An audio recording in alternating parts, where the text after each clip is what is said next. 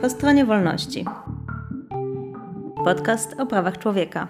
Dzień dobry, tutaj Marta Borucka z Helsińskiej Fundacji Praw Człowieka, a dzisiaj w naszej rozmowie wrócimy do tematu sądów i to tym razem międzynarodowych, bo i one miały już okazję wypowiedzieć się, co prawda pośrednio, ale na temat praworządności w Polsce. I co więcej, w odpowiedzi na te wyroki już kilka orzeczeń wydał i Polski Trybunał Konstytucyjny, ale naszym stałym słuchaczom i słuchaczkom e, pewnie nie trudno się domyślić, że raczej nie było zgodności między tymi wyrokami. E, a o tym, co dotychczas wydarzyło się w sprawie Polski na europejskich wokandach, wyjaśnił nam prawnicy i baczni obserwatorzy tego sporu. Maria Eichhardt-Dubois z inicjatywy Wolne Sądy. Dzień dobry. Dzień dobry Państwu oraz e, dr Marcin Szwed, prawnik Helsińskiej Fundacji Praw Człowieka i koordynator programu spraw precedensowych. Dzień dobry. Dzień dobry. E, w 2018 roku, jeszcze podczas debaty helsińskiej, zapytaliśmy, czy Europa jeszcze ufa Polsce. E, to pytanie wtedy było postawione na kanwie takiego wówczas przełomowego wyroku Trybunału Sprawiedliwości Unii Europejskiej w sprawie pytania od Sądu Irlandzkiego, które dotyczyło przekazania polskiego obywatela właśnie z powrotem do Polski e, na podstawie europejskiego nakazu aresztowania.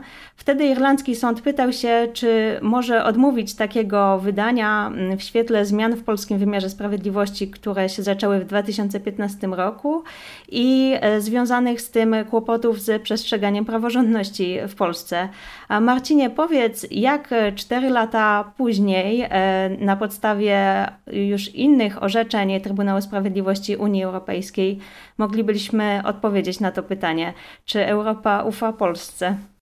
E, no wydaje się, że Europa ma coraz mniejsze zaufanie do, do, do, do, do zasad funkcjonowania wymiaru sprawiedliwości w Polsce obecnie. Wynika to zarówno, z, czy przejawem tego są zarówno orzeczenia Trybunału Sprawiedliwości Unii Europejskiej, jak i Europejskiego Trybunału Praw Człowieka, z których coraz wyraźniej wynika, że y, zmiany wprowadzone w okresie rządów Prawa i Sprawiedliwości w, w sferze wymiaru sprawiedliwości y, są po prostu niezgodne z europejskimi standardami praw człowieka, z europejskimi zasadami ochrony e, praworządności. Mam tutaj na myśli zarówno kwestie związane z, z, systemem odpowiedzialności dyscyplinarnej sędziów, jak i problemy dużo szersze, mianowicie zmiany w zasadach powoływania sędziów e, na wniosek Krajowej Rady Sądownictwa. No i wskutek właśnie tego rodzaju zmian, które zostały podejmowane tak naprawdę z lekceważeniem tych ukształtowanych standardów ochrony praworządności, ochrony niezależności sądownictwa, e, doprowadzono do bardzo poważnego kryzysu, z, z powodu którego orzeczenia wielu polskich sądów mogą być kwestionowane. E, a jaki główny wniosek płynie z tych wyroków? E, może najpierw e, powiedzmy o samym Trybunale Sprawiedliwości Unii Europejskiej. Co on orzekł, jeżeli chodzi o um, praworządność w Polsce, czy może tą tak zwaną reformę wymiaru sprawiedliwości? Tak, no więc orzekł po pierwsze, że zasady powoływania sędziów na wniosek tej tak zwanej neokrajowej Rady Sądownictwa, a więc Krajowej Rady Sądownictwa ukształtowanej na podstawie tych nowych zasad powoływania e, członków sędziowskich do Krajowej Rady Sądownictwa, czyli przez Sejm, a nie przez e, środowiska sędziowskie, jak to było wcześniej, jest nie do pogodzenia z europejskimi standardami praworządności, ponieważ sprawia, że ten proces powoływania sędziów jest zanadto e, upolityczniony, no i wskutek tego sędziowie powoływani w takiej procedurze mogą nie być postrzegani jako, jako, jako niezależni.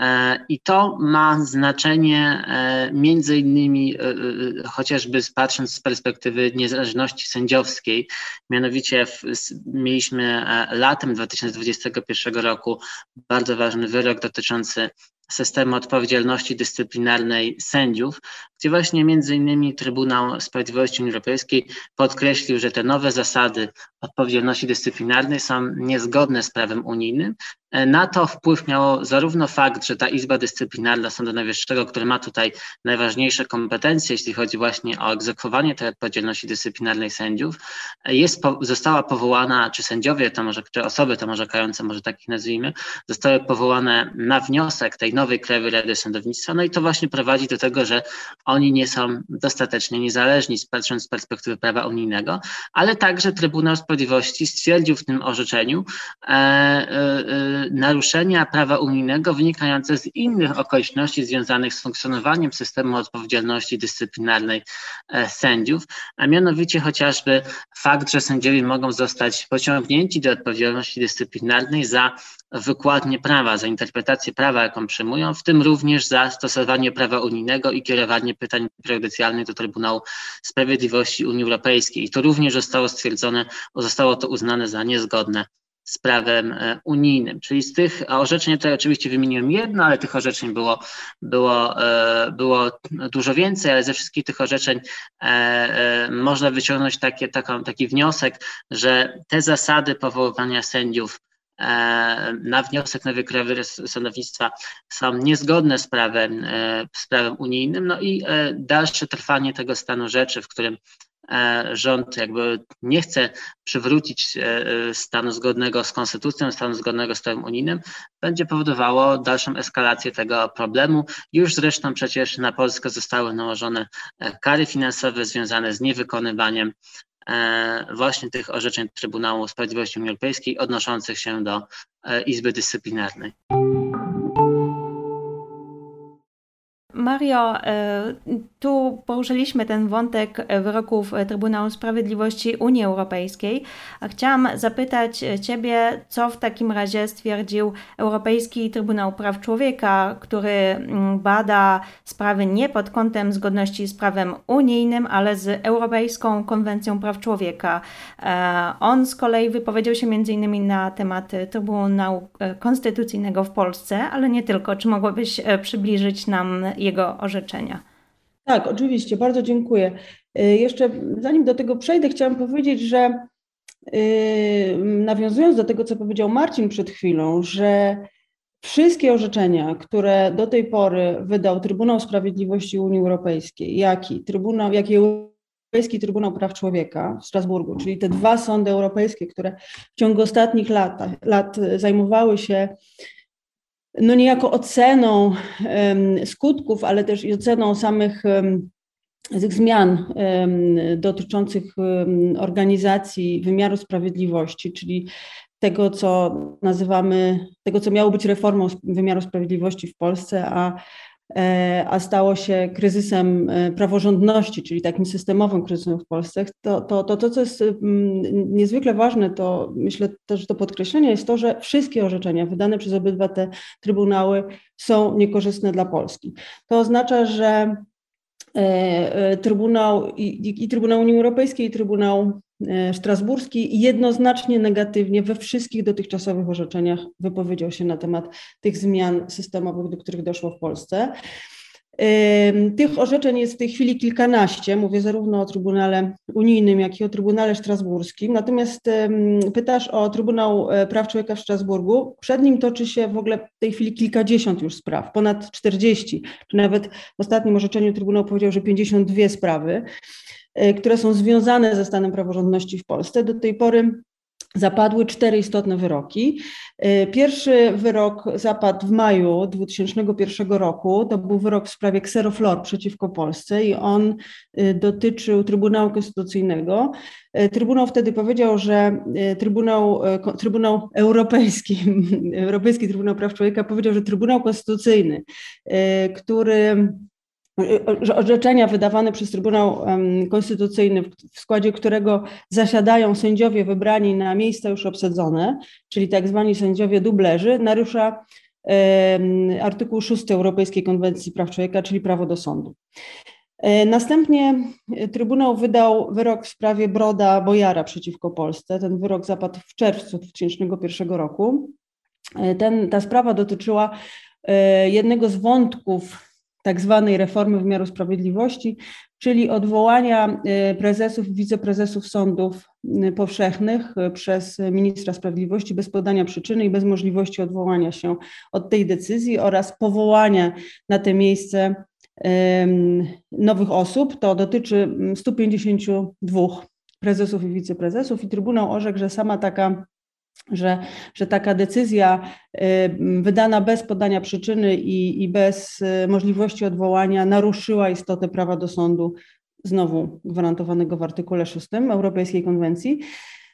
Y, następnie Trybunał wydał wyrok w sprawie Reczkowicz przeciwko Polsce w lipcu ubiegłego roku, w którym orzekł, że y, doszło do oczywistego naruszenia prawa w procedurze powoływania sędziów do Izby Dyscyplinarnej.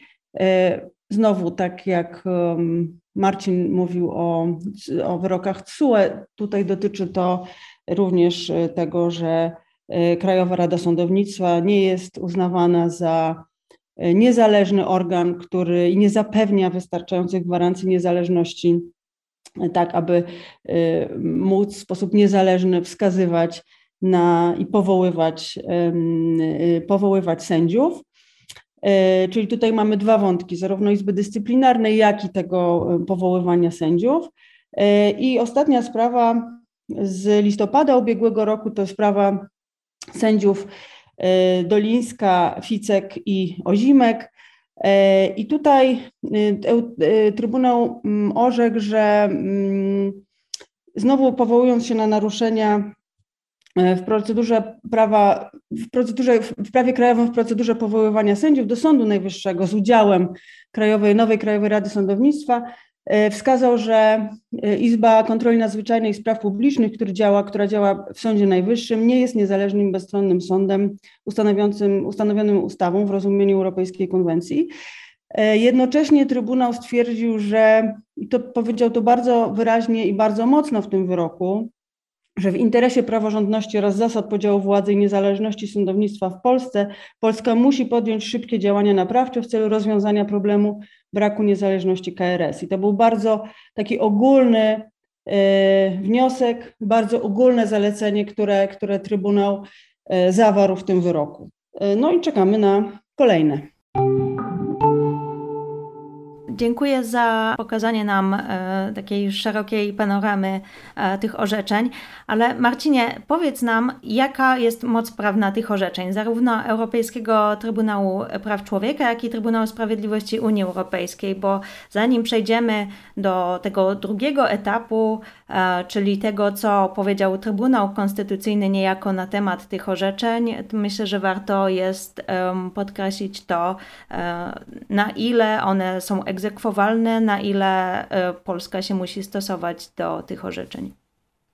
E, no oczywiście są to orzeczenia wiążące, tak? To nie są tylko jakieś opinie e, doradcze, tak? Jak to miało miejsce chociażby w przypadku opinii wydawanych przez Komisję Wenecką, które oczywiście mają e, znaczący autorytet i, i, i, reputację, jest to szanowany organ, ale jest to jedynie opinie doradcze. Natomiast w przypadku wyroków Europejskiego Trybunału Praw Człowieka i Trybunału Sprawiedliwości Unii Europejskiej mamy do czynienia z wiążącymi orzeczeniami, które Polska musi wykonać, tak? Patrząc z perspektywy prawa unijnego, prawa międzynarodowego, międzynarodowego, ale też i polskiej konstytucji, która przecież mówi, że Polska przestrzega wiążącego ją prawa e, międzynarodowego, więc tutaj e, nie ma jakiegoś pola e, manewru do, do, do podważania skuteczności tych orzeczeń. W przypadku ETPC jest oczywiście możliwość złożenia wniosku o rozpoznanie sprawy przez Wielką Izbę, które może być nazywane tak potocznie odwołaniem, chociaż to nie jest takie w pełni e, odwołanie, no ale Polska z tej możliwości nie skorzystała w przypadku tych spraw, o których mówiła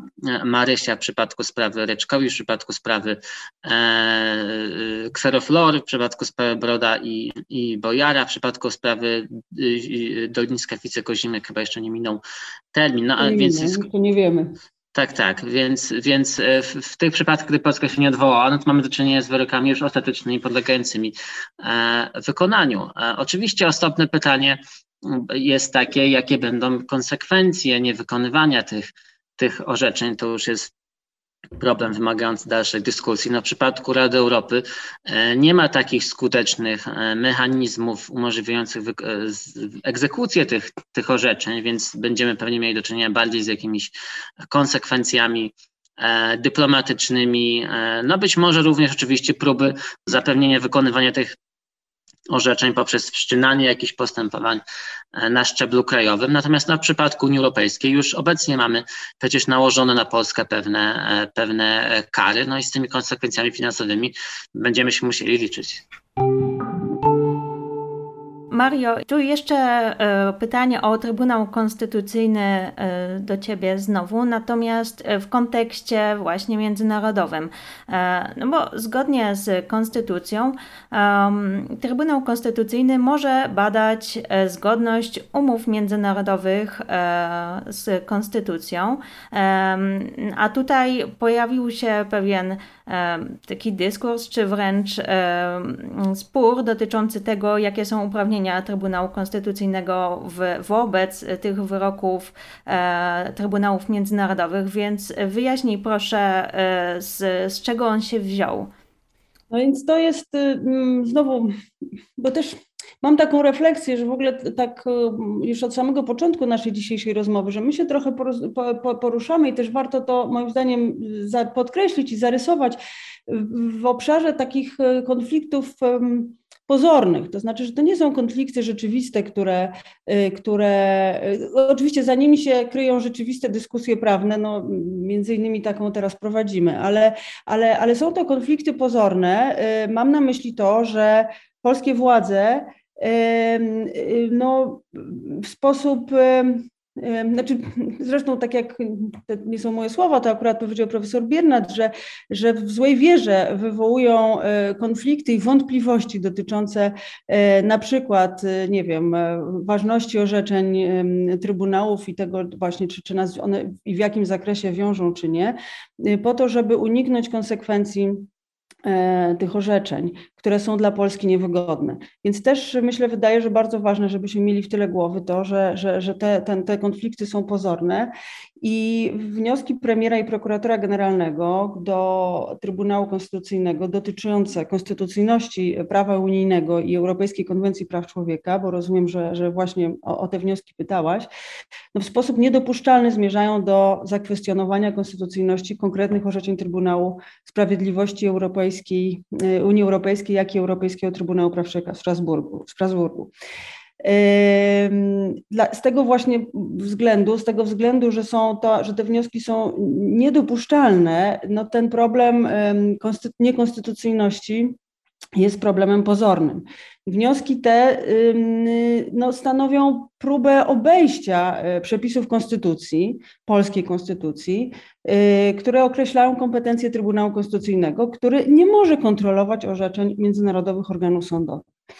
E, skutkiem takich orzeczeń, które zgodnych, które jeżeli byłyby one zgodne, czy są zgodne z wnioskami, będzie no, w istocie podważenie umów naszych międzynarodowych zobowiązań, podważenie właściwości TSUE i ETPC i, no i to, to, o czym powiedział, powiedział Marcin, czyli zagrożenie y, skuteczności ich orzeczeń, no bo Polska może traktować orzeczenia Trybunału Konstytucyjnego, jeżeli by były zgodne z wnioskami, jako pretekst do ich niewykonywania, do niewykonywania wyroków TSUE i ETPC. Jednak y, takie orzeczenia Polskiego Trybunału nie mają znaczenia prawnego dla samych postępowań przed ETPC czy przed TSUE, gdyż one nie wiążą sądów międzynarodowych. Strony nadal będą mogły korzystać z tych uprawnień e, i skarżyć się do, do obydwu trybunałów, e, czy kierować, czy sądy będą mogły kierować pytania prejudycjalne, e, a trybunały będą wydawać orzeczenia, z tym, że ich skuteczność może być w Polsce kwestionowana. Prawda? Tu jest, tu jest, tu jest ten mm, problem tego E, no, tego konfliktu, który został w sposób sztuczny e, wykreowany. Mam nadzieję, że jeszcze będziemy mogli wrócić do tego w dalszej części dyskusji. A teraz chciałam, Marcinie, żebyś nam opowiedział, co powiedział Trybunał Konstytucyjny i co się wydarzyło, bo no, teraz jesteśmy w tym momencie, gdzie i Trybunał w Strasburgu, i w Luksemburgu, czyli unijny, podważyły w zasadzie wiele wątków tej tak zwanej reformy sądownictwa, która, tak jak powiedzieliśmy już też w poprzednich odcinkach, no, niczego nie zreformowała, tylko pogorszyła sytuację i spowodowała potworny chaos w wymiarze sprawiedliwości. Ale no, jako, że właśnie te trybunały podważyły istotę tej reformy, no to musiało się to oczywiście spotkać z aprobatą partii rządzącej, która od tak dawna forsuje te swoje zmiany, więc reakcją były wnioski do Trybunału Konstytucyjnego ze strony premiera, jak i prokuratora generalnego. Czy mógłbyś e, powiedzieć, czego one dotyczą i co orzekł Trybunał Konstytucyjny? Tak, oczywiście. E, więc mieliśmy e, tak naprawdę trzy orzeczenia, które można by było w tym, w tym, w tym zakresie e, pokazać. Tak naprawdę tych orzeczeń dotyczących tego kryzysu praworządności w przypadku Trybunału Konstytucyjnego było więcej, ale te trzy, o których chcę powiedzieć, dotyczą stricte właśnie konstytucyjności umów międzynarodowych wiążących Polskę. E, rozpoczęło się to w lipcu 2021 e, roku, gdzie Trybunał Praw Człowieka, przepraszam, Trybunał Konstytucyjny odniósł się do kwestii obowiązku wykonywania przez Polskę środków tymczasowych e, zasądzanych przez Trybunał Sprawiedliwości Unii Europejskiej, ponieważ jak tutaj pamiętamy, e, Trybunał Sprawiedliwości Unii Europejskiej wydał takie środki odnoszące się do zawieszenia, tak naprawdę zamrożenia Izby Dyscyplinarnej w szerokim e, zakresie. Dwa takie środki zostały e, wydane. E, E, I tutaj Trybunał Konstytucyjny stwierdził, że właśnie w zakresie, w jakim Trybunał Sprawiedliwości wydaje takie środki tymczasowe, działając ultra vires, e, takie środki właśnie w obszarze odnoszącym się do organizacji polskiego sądownictwa i trybu postępowania przed tymi organami, e, przepis, który zobowiązuje Polskę do wykonywania tych środków tymczasowych, jest niezgodny z konstytucją. Tutaj pierwsze takie orzeczenie.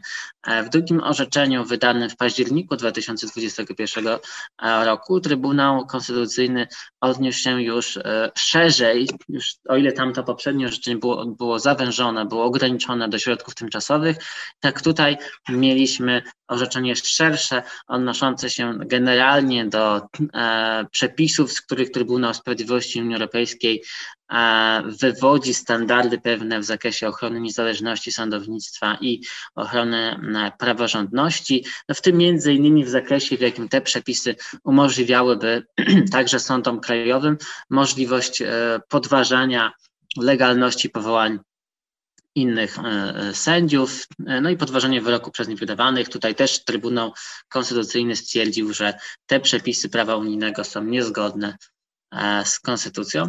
No i wreszcie w listopadzie 2021 roku Trybunał Konstytucyjny odniósł się do e, Europejskiej Konwencji Praw Człowieka. E, tutaj bezpośrednio odpowiedzią, ten wyrok był bezpośrednio odpowiedzią na wyrok Europejskiego Trybunału Praw Człowieka, na wyrok w sprawie Xero Flor przeciwko Polsce, o którym już Marysia wspominała. Był to wyrok dotyczący nie, statusu sędziów że osób wybranych niezgodnie z prawem e, na stanowiska sędziów Trybunału Konstytucyjnego. Tutaj oczywiście pewnie wszyscy słuchacze e, znają ten spór toczący się od 2015 roku, gdy partia rządząca wybrała w sposób niezgodny z prawem trzy osoby do Trybunału Konstytucyjnego. No i właśnie w sprawie Xeroflor Europejski Trybunał Praw Człowieka potwierdził, że ten wybór był dokonany niezgodnie z prawem i orzekanie przez takie osoby może prowadzić do naruszenia artykułu 6 konwencji. I tutaj Trybunał Konstytucyjny właśnie w tym wyroku z listopada ubiegłego roku stwierdził, że artykuł 6 w zakresie, w jakim odnosi się do e, Trybunału Konstytucyjnego, w zakresie, w jakim miałby obejmować Trybunał Konstytucyjny, e, jest niezgodny z konstytucją.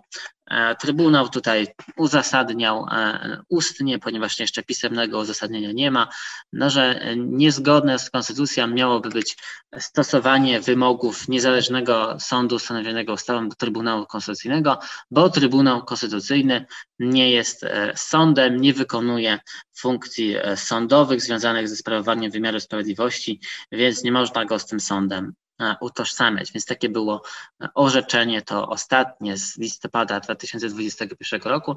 Natomiast obecnie mamy e, kolejne postępowanie toczące się przed Trybunałem Konstytucyjnym, dotyczące już tych innych spraw, o których wspominała Marysia, czyli sprawa Broda i Bojara przeciwko Polsce, sprawa Reczkowicz przeciwko Polsce i Dolińska, Ficek i Ozimek przeciwko Polsce. Tutaj e, prokurator generalny zarzuca że artykuł 6 w zakresie, w jakim właśnie daje podstawy do ochrony statusu prezesów sądów, czy też właśnie umożliwia e, kwestionowanie statusu e, i legalności powołania innych sędziów, że to również ma być niezgodne E, z konstytucją. Tak więc widzimy, że, że tych, tych orzeczeń już było kilka, e, zapowiada się na to, że ich będzie e, jeszcze więcej. No mamy jeszcze jedną sprawę, przecież toczącą się przed Trybunałem Konstytucyjnym, również w lutym ma być, ma być rozprawa w tej sprawie, tutaj odnosząca się do kompetencji Trybunału Sprawiedliwości do zasądzania kar pieniężnych za E, niewywiązywanie się czy nie, niewykonywanie środków e, tymczasowych zasądzanych e, no, przez właśnie Trybunał Sprawiedliwości Unii Europejskiej. Więc tak ta sytuacja się prezentuje. Ale proszę A. zobaczyć, jeżeli mogę, Marto, wejść proszę, w słowo, że to jest, trochę to jest tak, tego co Marcin powiedział, to wyraźnie widać, że w każdej sytuacji, w, którym, w której Unia, czy też, czy też Europejski Trybunał Praw Człowieka reaguje na jakieś zmiany dotyczące Polski, no to odpowiedzią jest orzeczenie, czy, tam, czy, tak, czy też tak zwane orzeczenie Trybunału Konstytucyjnego Polskiego i że to jest taka trochę, trochę próba takiego mm, no, żałosnego y, ratowania się i próba legalizowania tego bezprawia, które właśnie um, unijne i e, Trybunał Unijny i Trybunał Rady Europy wskazuje. Także to też warto tak właśnie to widzieć w czasie, że, te, że, to, że ta reakcja tak zwanego Trybunału Konstytucyjnego, który jak wiemy już został pozbawiony swoich, swoich y, jest w istocie atrapą tego, tego, czym był Trybunał Konstytucyjny przed,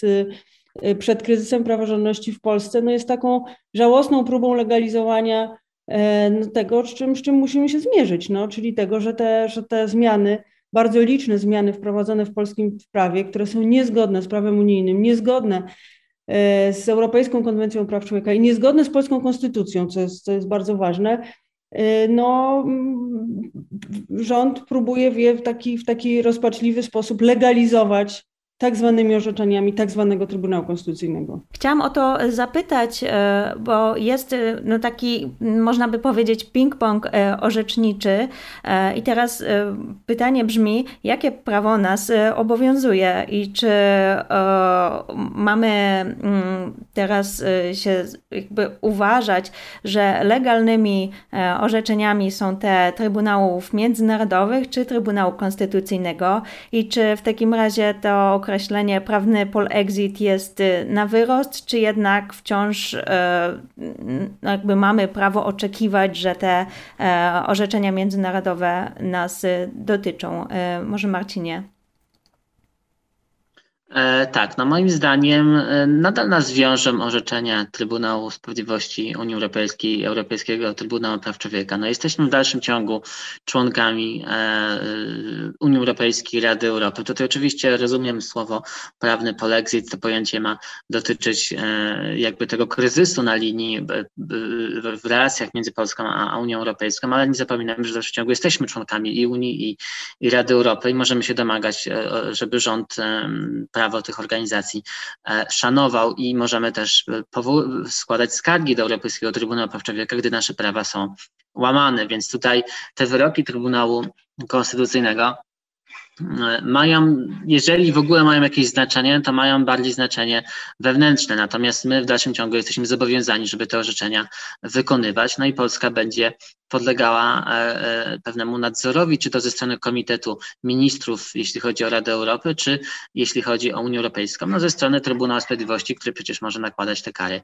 za niewykonywanie e, orzeczeń. Natomiast jeśli chodzi o wyroki Trybunału Konstytucyjnego, no tutaj, tak jak już powiedzieliśmy, bardziej, jeżeli mają one w ogóle wywoływać jakieś skutki, to bardziej wewnętrzne, czyli tutaj celem zapewne Trybunału Konstytucyjnego i prokuratora generalnego jest pozbawić polskie sądy możliwości powoływania się na prawo unijne czy na Europejską Konwencję Praw Człowieka w rozpoznawanych przez nie sprawach, no właśnie w tym zakresie, w jakim Trybunał stwierdzi, że to jest niekonstytucyjne. Natomiast wątpię, żeby to się okazało skuteczne ponieważ e, no przecież w dalszym ciągu mamy e, Europejska Konwencja i, i, i, konwen, i traktaty unijne są przecież częścią polskiego porządku prawnego, a poza tym coraz bardziej już widzimy, że te orzeczenia Trybunału Konstytucyjnego bywają kwestionowane przez polskie sądy, no właśnie z tego powodu raz, że orzekają tam osoby nieprawidłowo wybrane na, na stanowiska sędziowskie, a dwa, że no coraz wyraźniej widać, że to nie jest organ e, niezależny, że to nie jest organ w pełni niezależny, w pełni bezstronny, którego orzeczenia byłyby przyjmowane z należytym szacunkiem, tylko on po prostu wykonuje pewne, pewne, pewne e, zadania, które niestety już nie polegają na, na ochronie konstytucji w dobrej wierze. Ja jeszcze właśnie chciałam jeden krok dalej z, zrobić w stosunku do tego, co, co powiedział Marcin. I, i mm, tutaj mam na, na myśli mm, orzeczenie Trybunału Konstytucyjnego w sprawie dotyczące niezgodności przepisów Traktatu o Unii Europejskiej z Konstytucją, to to orzeczenie nie wywołuje skutków prawnych e, i stanowi rażące naruszenie prawa unijnego, ponieważ zgodnie z zasadą pierwszeństwa stosowania prawa unijnego względem prawa krajowego, w tym rangi konstytucyjnej, e, no, sądy powinny pomijać to orzeczenie to rozstrzygnięcie Trybunału Konstytucyjnego. Co więcej, to niestosowanie się do tego orzeczenia przez polskich sędziów nie może być podstawą jakichkolwiek sankcji natury dyscyplinarnej. Wiemy, że jest inaczej. Natomiast zgodnie z prawem nie może stanowić sankcji. E, co więcej, w wyniku tego rozstrzygnięcia Trybunału Konstytucyjnego Y, komisja przecież wszczęła y, kolejne postępowanie y, w trybie artykułu 250, 258 Traktatu o funkcjonowaniu Unii, czyli w sprawie uchybienia przez Polskę zobowiązań ciążących na niej. I co więcej, to może też skłonić Komisję do uruchomienia y, kolejnych kroków przeciwko Polsce, czyli tak zwanego i tego mechanizmu y, ochrony budżetu Unii. Y, I przecież mam tutaj też na myśli KPO, czyli Krajowy Plan Odbudowy, który został przez cały czas niezaakceptowany, więc to są też takie konsekwencje, z którymi musimy się liczyć ze strony Unii ale y, głównie finansowe. Czy, czy jest faktycznie jakieś ryzyko? Raczej mówimy o kwestiach finansowych. Proszę też zwrócić uwagę, że jeszcze ta, to wszystko, co się dzieje, to wszystko, co obserwujemy i to, o czym mówimy, dzieje się po raz pierwszy, nie tylko w Polsce, ale w ogóle w całej Unii. I Unia też, mówiąc y, brzydko, uczy się na y, polskiej sprawie. Y, też jest zaskoczona, też jej działania no, długo wyczekiwane tutaj w Polsce, nie, niekiedy nawet z naszego punktu widzenia za długo wyczekiwane, bo po prostu wynikały z, takiej, no, z takiego dialogu wewnątrz Unii, takiej dyskusji, co robić, bo, bo to jest sytuacja, która wcześniej się nie wydarzyła. Nikt e, nigdy jeszcze nie zakwestionował tak dalece i tak głęboko wartości, na których e, opierają się, e, opiera się Unia i które są są no, taką, taką mm, fundamentem naszych zobowiązań traktatowych i wynikających z umów międzynarodowych. E, I no, ja myślę, że tutaj trochę też nawiązując do Twojego pierwszego pytania, czy, czy Unia ufa Polsce, no to był trochę taki test i on nadal trwa ten test i, i my na razie tego testu nie zdajemy. No, i, tak jest, tak, i w konsekwencji tego jest coraz więcej orzeczeń i coraz więcej E, kar na Polsce spoczywa. Czyli podsumowując, Europa Polsce nie ufa. E, natomiast myślę, że e, Polki i Polacy wciąż ufają Europie, bo jak e, podaje sondaż CEBOS z października 2021 roku, 90% osób opowiedziało się za członkostwem Polski w Unii Europejskiej. Co ciekawe, w tym sondażu też padło takie pytanie, czy władze Polski powinny uwzględnić zalecenia, zalecenia i postanowienia organów Unii Europejskiej E, dotyczące tej tak zwanej reformy sądownictwa i wtedy 46% badanych stwierdziło, że tak. Z kolei przeciwko było 33% e, zapytanych osób. E, co prawda nie znalazłam podobnych badań dotyczących Rady Europy, ale znalazłam inne bardzo ciekawe, gdy w 2018 roku Ipsos zapytał Polaków o prawa człowieka i wtedy 83% Polaków i Polek uważało, że posiadanie praw chroniących prawa człowieka jest ważne. Więc ten duch praworządności zdaje się wciąż w nas być, e, a prawa chroniące prawa człowieka to są takie, które są i respektowane, i egzekwowalne, co, e, o co też my tu wszyscy obecni zabiegamy i z pewnością zachęcamy osoby nas słuchające do tego samego. No, jak zwykle w tych podcastach, niezbyt optymistyczne to podsumowanie, ale cóż, w takich czasach przyszło nam żyć. Serdecznie dziękuję za rozmowę. Y, skomplikowany świat trybunałów y, objaśniali dziś Maria Eichhardt-Dipois oraz Marcin Szwed. Dziękuję serdecznie. Bardzo dziękuję. Dziękujemy. Do usłyszenia.